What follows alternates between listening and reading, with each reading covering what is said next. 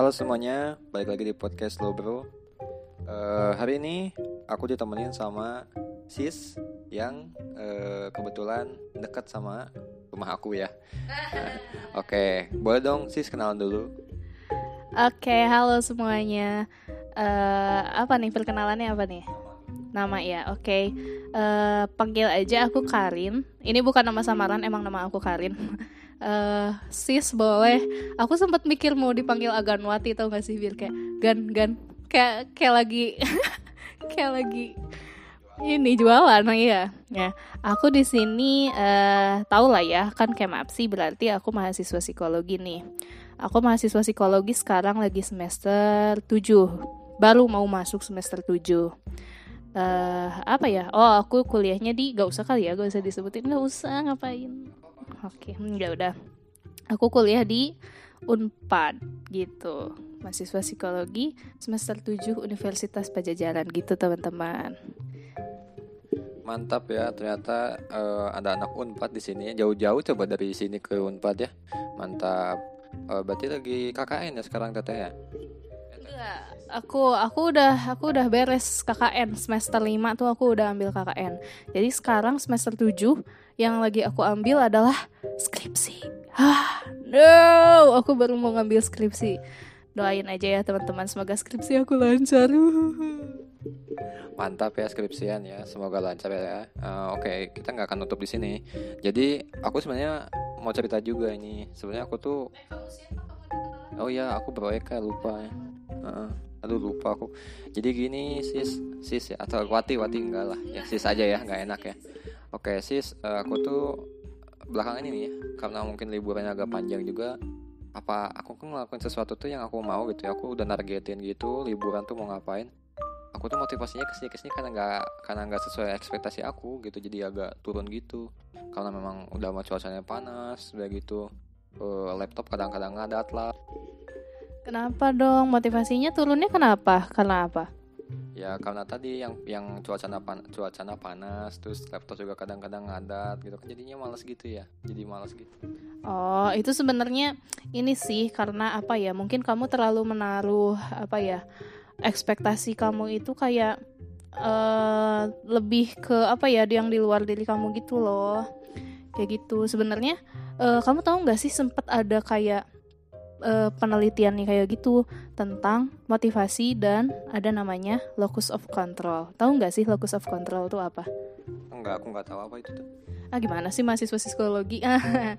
Nih jadi ya locus of control itu eh tingkat sejauh mana nih kamu itu mengharapkan kalau penguatan atau hasil dari perilaku kamu itu tergantung sama ya kamunya sendiri gitu penilaian kamu sendiri atau karakteristik pribadi kamu kayak gitu. Nah mungkin kenapa kamu motivasinya turun? Karena locus of control kamu pun eh, rendah gitu loh. Karena kamu lebih melihat si perilaku kamu itu ya ditentukannya bukan sama kamu tapi sama ya tadi. Sama cuaca lah sama laptopnya yang ngadat-ngadat kayak gitu. Ya otomatis kalau kayak gitu sih kamu motivasinya akan turun kalau menurutku ya kayak gitu oh kayak gitu. Kalau locus of control tuh ada nggak sih jenisnya gitu atau ada orientasi semacamnya gitu?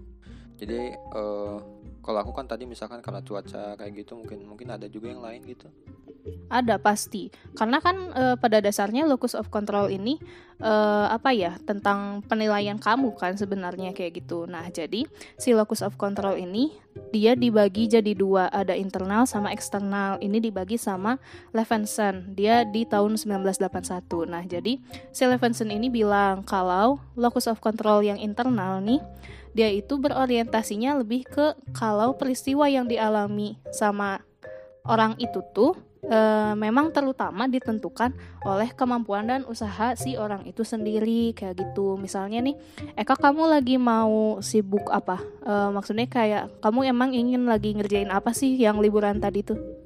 saya aku mau ngerjain desain mau jualan desain misalnya Nah, jualan desain. Kamu bisa nih kalau misalkan kamu mau meningkatkan eh, motivasi kamu, kamu bisa eh, apa ya lebih melihat si perilaku itu pakai locus of internal, locus of control yang internal. Jadi kayak kamu emang kamu emang merasa nggak sih kalau si desain itu emang ditentukannya sama kemampuan kamu gitu, bukan sama kemampuan yang di luar kamu kayak gitu gimana? Iya, pasti. Nah, mungkin kamu bisa nguatin aja tuh di sananya. Nah, itu yang pertama ya yang internal. Terus ada nih yang keduanya adalah locus of control yang eksternal. Nah, kalau yang eksternal ini, kalau tadi kan dari dalam diri sendiri ya, bro ya. Nah, kalau yang ini dia ditentukan oleh hal yang di luar diri kamu sendiri kayak gitu. Nah, misalnya nih ada dua, misalkan yang pertama adalah powerful others atau eh, orang-orang uh, yang lebih berkuasa yang ada di sekitar kamu nih. Kira-kira kalau kayak gitu menurut Bro Eka kayak gimana tuh? Kayak misalkan kalau aku kerja gitu ada manajernya gitu mungkin ya. Jadi aku bisa karena aku sama ada manajer gitu. Kayak gitu maksudnya. Bisa jadi. Coba tuh maksudnya manajer tuh kayak gimana tuh, Kak? Karena dia lebih powerful dari aku misalkan kalau aku sales nih. Kalau misalkan aku sales, dia manajer aku dia lebih powerful kan daripada aku gitu. Mungkin kayak gitu mungkin ya bisa jadi nah misalkan kalau aku sih biasanya aku kalau uh, ini kan ini agak curhat dikit ya waktu medpen kemarin nih sebelum skripsi medpen kadang ada tuh kadang di mana ya aku tuh nggak ada motivasi sama sekali karena aku merasa ah dosen aku tuh nggak pernah ngasih feedback kayak gitu nggak pernah. Jadi aku nggak pernah tahu nih ini tuh benar atau enggak kayak mau aku kerjain pun aku nggak tahu sebenarnya harusnya kayak gimana. Nah itu mungkin adalah locus of control eksternal di mana dosen aku itu adalah faktor penentu dari keberhasilan medpen aku, misalkan kayak gitu. Nah, terus yang kedua nih selain orang yang lebih apa ya berkuasa gitu, yang kedua adalah chance. Tahu nggak tuh chance tuh apa? Eh, uh, rantai. chance tuh itu itu chain ini. Nih kalau ini tuh chance. Chance jadi chance ini adalah gimana si orang itu e, merasa kalau kehidupan dan kejadian yang dialaminya itu sebagian besar ditentukan oleh takdir misalkan atau nasib atau keberuntungan, kesempatan ya. Jadi pada dasarnya kayak luck-luck gitu loh, sistemnya kayak gambling gitu. Kayak gitu. Nah, uh, Eka pernah nggak sih ngerasain kayak sesuatu yang kamu tuh ngerasanya ah ini mah karena luck gitu? Ya pernah misalkan aku nih uh, dapat nilai bagus saya itu mungkin karena hoki gitu aku kadang-kadang mikir kayak gitu gitu. Bisa. Ya itu itu masuknya chance tuh. Nah sebenarnya ya locus of yang uh, locus of control yang eksternal ini mungkin gak begitu bagus untuk mempertahankan motivasi kamu. Karena ya itu dia motivasi kamu jadi ya bergantung sama hal yang di luar kontrol kamu gitu. Sedangkan kalau motivasi kan bagusnya kamu yang mengontrol motivasi itu. Nah e, menurut kamu jadi gimana nih kalau dari Bro Eka nih ya bagusan yang e, internal atau eksternal? Oke jadi kalau yang aku tahu gitu ya dari penjelasan gitu uh, setelah aku searching searching juga barusan sampai searching kalau ada penelitian yang menunjukkan kalau internal itu lebih banyak menumbuhkan menimbulkan dampak positif ya berarti lebih bagusnya kayaknya internal gitu. Oh gitu ya internal. Coba emang gimana tuh internalnya? Uh, mereka tuh jadi uh, cenderung lebih percaya diri terus berpikir optimis menyatakan kalau mereka tuh uh, dalam setiap langkahnya tuh optimis gitu. Nah ini tuh didukung sama SCB, SCB aku aku bingung namanya apa ya. SCB tahun 1978 kalau individu dengan locus of controlnya dia internal cenderung lebih aktif, berusaha keras, berprestasi, penuh kekuatan dan tidak tidak tergantung juga efektif. Ini ada di di dalam buku Allen tahun 2003 halaman 297. Waduh, mantap nih nyari sumbernya sampai buka-buka buku beratus-ratus halaman. Ya, kebetulan nemu ya.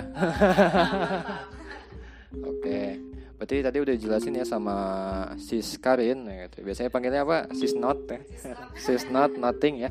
Uh, jadi kalau misalkan aku yang terjadi sama aku tuh karena aku apa locus of controlnya kemarin lebih ke eksternal.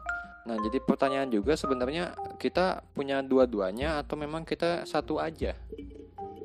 Sebenarnya ya kalau dikatakan cuma satu doang sih mungkin agak kurang realistis juga karena pasti misalkan kalau aku medpen kemarin juga ya aku tahu kalau kalau aku pun kemampuan aku ya menentukan medpen aku hasilnya akan gimana tapi aku juga tahu kalau dosen aku juga akan menentukan medpen aku tuh seperti apa jadi mungkin realistisnya adalah memang kita itu punya dua-duanya locus control internal dan eksternal kayak gitu. Nah, jadi sebenarnya ya si locus of uh, control ini tuh sebenarnya dia bersifatnya kontinum gitu.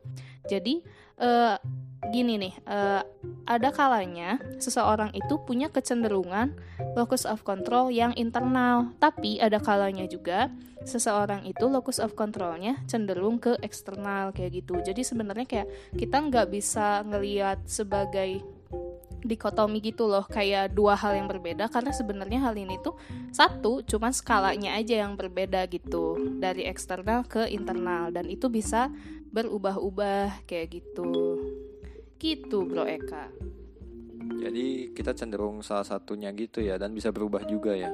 Oke gitu ya. Ternyata uh, itu ya yang harus aku cerita yang aku ceritain. Apa namanya? Aku jelas aku tanamin gitu. Locus of control yang internal. Karena dia lebih positif juga gitu ketimbang yang eksternal. Gitu ya. Oke okay, kalau begitu um, berarti udah jelas ya dari tadi cerita. Jadi ya, mau kenapa motivasi aku bisa turun? Karena ada locus of control. Locus of control itu ada yang eksternal dan internal gitu kan. Yang sesuai tadi penjelasan. Gitu ternyata ya. Ternyata ada banyak bahasan yang sekiranya kayak gam kayak kita ada di sehari-hari ternyata bisa kita bahas pakai teori psikologi ya. Apalagi kita sama sis nothing yang dari unpad gitu ya. Uh mantap sekali ya gitu ya. Udah tahu banyak. Ya ya kalau kayak gitu uh, paling sampai sini aja teman-teman ya uh, pendengarnya. Makasih banyak buat sis not ya yang hari ini Iya, sama-sama Bro Eka. Semangat ya. Desainnya jangan lupa pakai locus control yang internal. Oke, berarti ditanamai, ditanamkan locus of control yang internal gitu. Makasih atas waktunya. Semoga skripsinya makin lancar. Ah ya, kalau gitu mereka pamit. Siskarin pamit. Kita jumpa lagi di episode selanjutnya. Dadah. Dadah. Dadah.